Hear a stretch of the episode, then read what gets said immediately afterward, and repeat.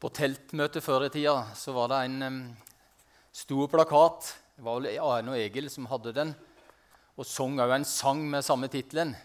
'Jesus er løsningen'. Det høres litt sånn uh, enkelt ut. Det gjør det.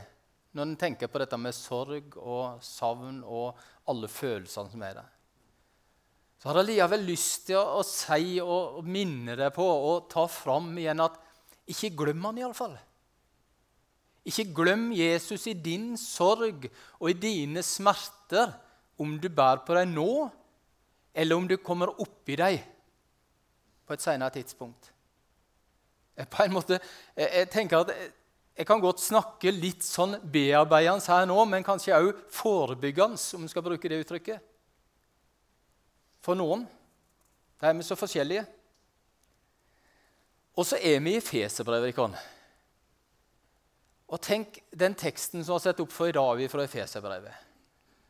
Den kunne jeg ha lagt ut på en måte som ble veldig sånn eh, teo, Ikke teoretisk nødvendigvis, men forklarende og læremessig om dette med jødedommen, kristendommen, hedninger, Guds folk og slike ting. Og så ble jeg knytta opp til den eller annen, på en måte tatt tak i noen, et par setninger i den teksten som er fra, fra eh, Efeserbrevet kapittel 2. Og Vi har den starten der, fra vers 14. Det er der vi er kommet nå. Dette visste ikke vel. Ja. Der står det slik i Jesu navn. Han er vår fred. Han som gjorde de to til ett og reiv ned den muren som skjeler, fiendskapet. Ved sin kropp har han oppheva loven med dens bud og forskrifter. Slik stifta han fred da han av de to skapte et nytt menneske i seg. I én kropp forsonte han de begge med Gud da han døde på korset, og slik drepte fiendskapet. Han kom og forkynte det gode budskapet om fred, både for de som var langt borte, og for dere som er nær.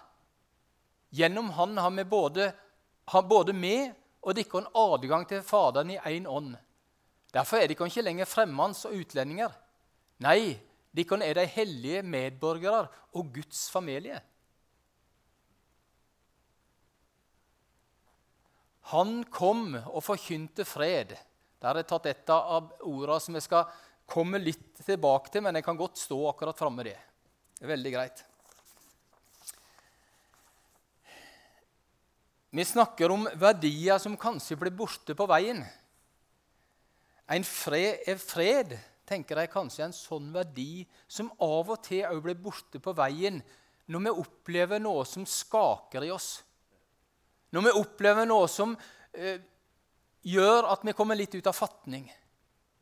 Det å miste pappaen sin Om Kjetil har begynt på et helt nytt liv for å si det sånn, med sin familie så er de båndene som han sier, så sterke at selv om de har bodd i hver sine hus i mange år nå, så bryter det på en måte noe det å miste dem. Det bryter noe av den, den, freden som kanskje var så grei når en visste at han var der alltid, som han sa. Det å miste de små. Det å miste en ektefelle, som mange av de kan ha erfaring med. Det skaker noe. Og jeg tror at vi mennesker vi trenger å, å se det at det er ord i Bibelen, det er tekster i Bibelen, det er Guds ord som kommer til oss og, og ønsker å være der i alle livets situasjoner.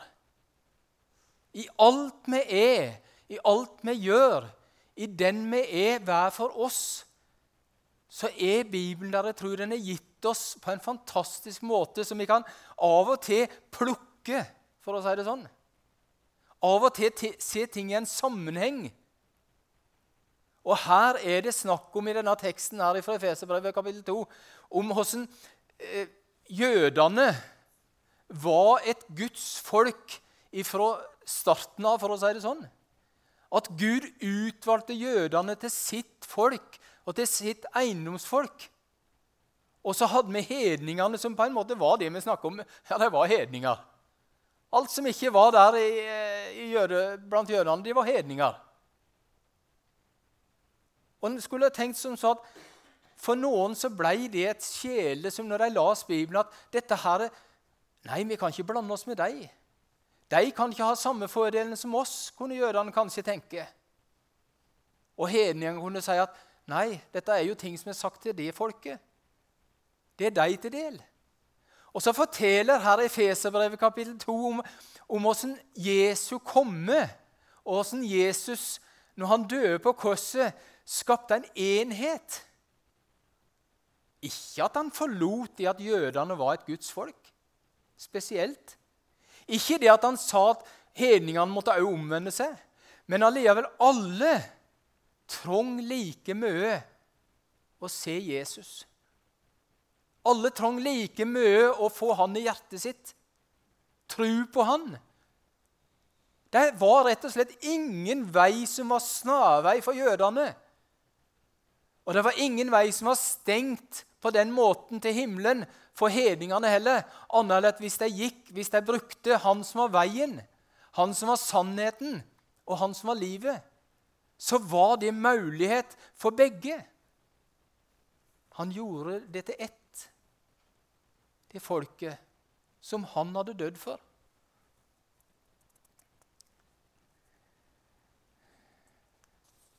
Fred, sa han. For han er vår fred, han som gjorde de to til ett og reiv ned den muren som skjelte fiendskapet.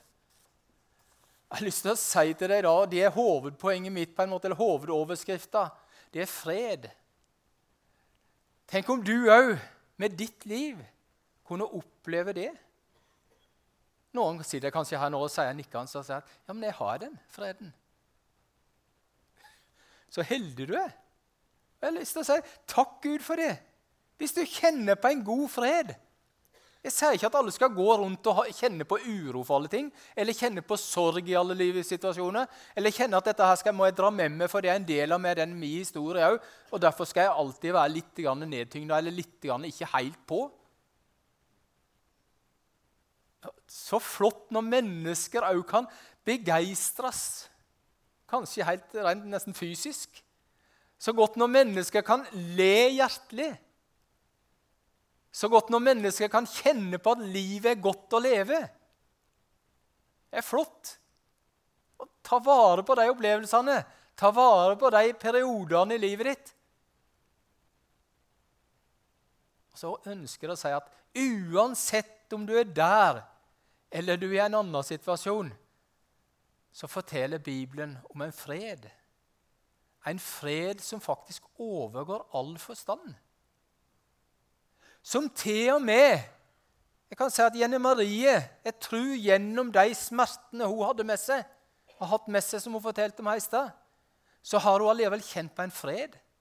Det har vært fred over livet hennes. Det har vært glede i livet hennes. Til tross for savnet som Kjetil kjenner på.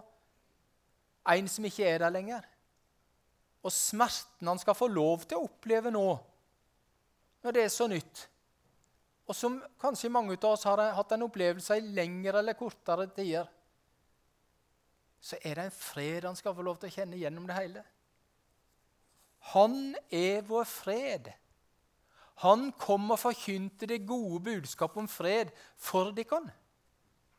Dere som var langt borte, og dere som var nær.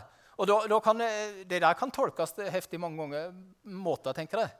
Og Her er helt sikkert en sånn underliggende riktig tolkning av det eh, verset der, for de som kan eh, teologien. Men for meg så tenkte jeg at om du kjenner på at Jesus er nær i hjertet ditt, om du kjenner på at han er med deg alle dager, og du kjenner at det er godt å være en kristen, og du kjenner at du får lov til å hvile i nåden, ja, så har du òg, håper jeg, opplevd hans fred når han er der.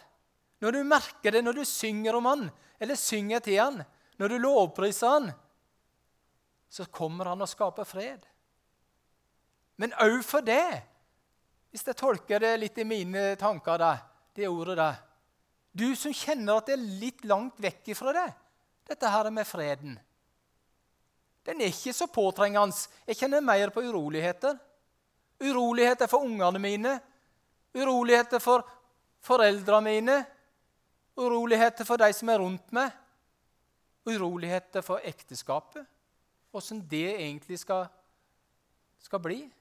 Uroligheter for åssen den og den har det med Gud. Det kan, det kan være så mange ting som preger oss, og som gjør noe med oss, og som gjør at vi kjenner at nei, det der med Guds fred det er så langt borte. Den er iallfall ikke i mitt liv.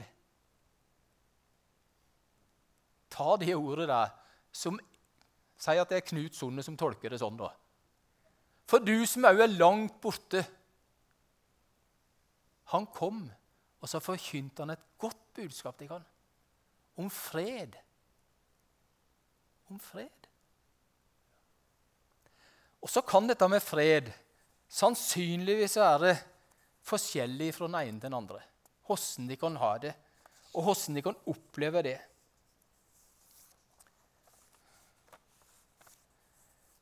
Så er det ikke Gud som har overlatt til oss å skape den freden bare hos det. Men han setter det ut i livet. Han setter det inn i verden ved Jesus Kristus. Han kom med fred. Han vil gi oss sin fred. Også det står i Johannes 14, der det ble snakk om å ikke være urolig. Fred etterlater jeg Men Min fred gir dere, ikke den fred som verden gir. La ikke hjertet bli grepet av angst og motløshet. Tar du med deg det, da? Kanskje du trenger det akkurat i dag? Ord om fred. Eller kanskje du skal ta det og ha det med deg som en ballast, som en visdom, som et ord som du henter opp i det øyeblikket du ikke ser noen løsning, der du kjenner på at mange ting er vanskelig. Det var slik Jesus møtte disiplene òg. Det var slik han møtte dem etter at han var stått opp. To forskjellige ganger i eh, slutten av Johannesevangeliet, etter at Jesus var stått opp, så står det veldig tydelig Han kom, og så sa han, 'Fred være med dere'. Han kom først når de satt på salen der. De var sorgfulle. De De hadde mista Jesus. Han var jo tatt vekk. De var engstelige, de var redde for de andre, hva de skulle si. Så kom han med orda 'Fred være med dere'. Så var jo Thomas ikke der da. Han kom med tvilen, han. Han kom med om vi skal bruke uttrykket, nesten fortvilelsen. Over at kunne det være slik? Er det virkelig sant?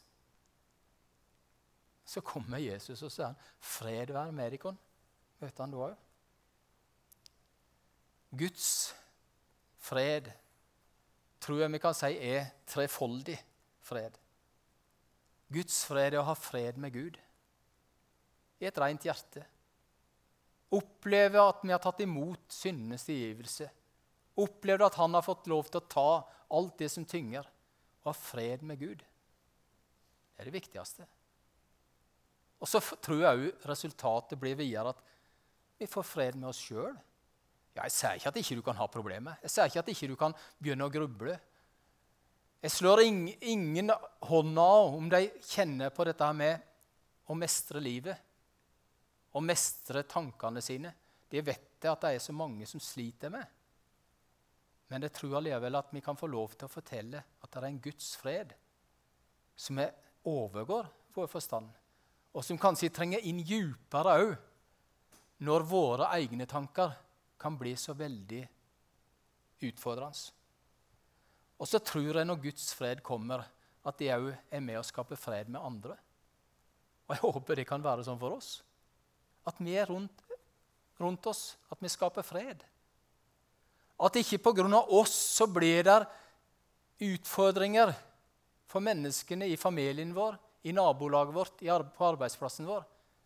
Men at vår fred, at Guds fred i hjertene våre kan jo gjøre slik at det skapes fred rundt oss.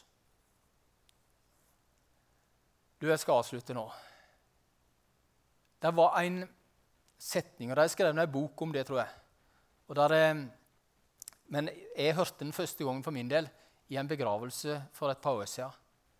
En setning som er beit meg merke og skrev ned da, og ser her, sitter han på, på nett og greier. Du tar opp denne, Ole. Lyset du trenger, fins. Ta med deg den lille setningen der. Lyset du trenger, fins. Den syns jeg er fin. Et, du kan si at ja, det står jo i Bibelen, men det er ikke akkurat en bibelsetning. Det er noen som har skapt den. Mennesker, tror jeg. Jeg husker ikke han heter han som har gjort det, men eh, det er skrevet i boka. Men den er fin, syns jeg. Når det at du opplever at ting er utfordrende, når du opplever at ting kan være vanskelig, når du kjenner på at det er mørke både i deg og rundt deg, ta med deg den. Lyset du trenger, fins. La Kristi fred råde i hjertet, for til det ble de kalt da de kan bli én kropp. Og vær takknemlig, står det i Kolossensebrevet 3.15. Litt forskjellige tanker ble det i dag. Og litt forskjellig med utgangspunkt i både Efeserbrevet, alle helgensøndag, livet våre, historiene våre. Så er han der. Og så vil vi helt mot slutten i dag, etter vi har uh, gjort andre ting når, folk, når, vi har mulighet til å, å, bevege oss litt, så inviterer jeg da til en liten bønnevandring for de som har lyst. Noen kjenner på at det er godt av og til å gjøre noen sånne konkrete ting. Og noen tenker at nei, det er ikke meg da som trenger det. Da er det ingen pålegg. Men når Helge etter hvert har overtatt her, og, og vi har sånn, så mot slutten igjen, og vi ser at nå kan vi gå herifra, så inviteres du til å komme fram og tenne et lys. Et lys som ikke alltid Nå bruker jeg symbolet her. Lyset så rett opp heller. Det blafrer litt. Du kan tenne et lys for noe du tenker på i dag. Enten det er noe du er blitt minnet om, noen mennesker du er blitt minnet om, eller en situasjon. Kan du få lov til å komme fram og tenne et lys uten å gjøre noe i forhold til andre mer ut av det. Du kan få lov til å gå bort under korset. Der ligger det på stolen der en eh, boks med forskjellig stein. Hvis du kjenner på at du har noen ting som du kjenner på tynger deg litt, og er utfordrende i livet, som ligger der som en liten sånn stein i livet ditt, så kan du få lov til, uten å si hva det er for noe til andre nødvendigvis, få lov til å ta en stein og legge opp på bordet under korset. Bringe den til Jesus. Helt konkret, sånn symbolsk. Gjør det. Be om at han må ta av den børa som tynger det, som en stein. Bort med inngangen til bønnerommet så vil Torunn og veiene stå og kan gi deg en velsignelse hvis du kjenner på at det hadde vært godt. At noen ba en kort velsignelse for deg. En kort bønn. Om du kjenner på at du skal si hva og du ønsker å bli bedt for, så kan du godt si det med en setning, eller sånn, men det er ikke den lange samtalen. Den kan du heller be om med noen inne på bønnerommet etterpå. Men en kort en. Eller du kan ned med døra der ned, på vei ut, så ligger det et eh, brett med bibelord. Du kan ta et mannakorn, som vi sa. En gammel ord. Et bibelord som du kan ta med deg. Se om det er noe som treffer deg da. Eller du kan gå ut og ta din kaffe, som er vel fortjent òg. Kjære Jesus. Kom med din fred i våre hjerter. Du ser alle de historiene som sitter her inne nå. Livshistorier jeg takker for de som kjenner på glede, takknemlighet nå. For de som kjenner på at de er glade i håpet. Takker deg for de som kanskje ikke har så mye følelser akkurat om dette. Som ikke blir så berørt av det nødvendigvis. Takk for at de er dine, de òg. Du er glad i det alle. Og så takker jeg deg for at de som kjenner på at det er noe som rører noen såre strenger, noen strenger som er litt utfordrende i livet sitt. Du har sagt 'kom til meg' om en strever å bærer tunge byrder. Så kan vi komme. Takk for at du er rik nok for alle, Jesus.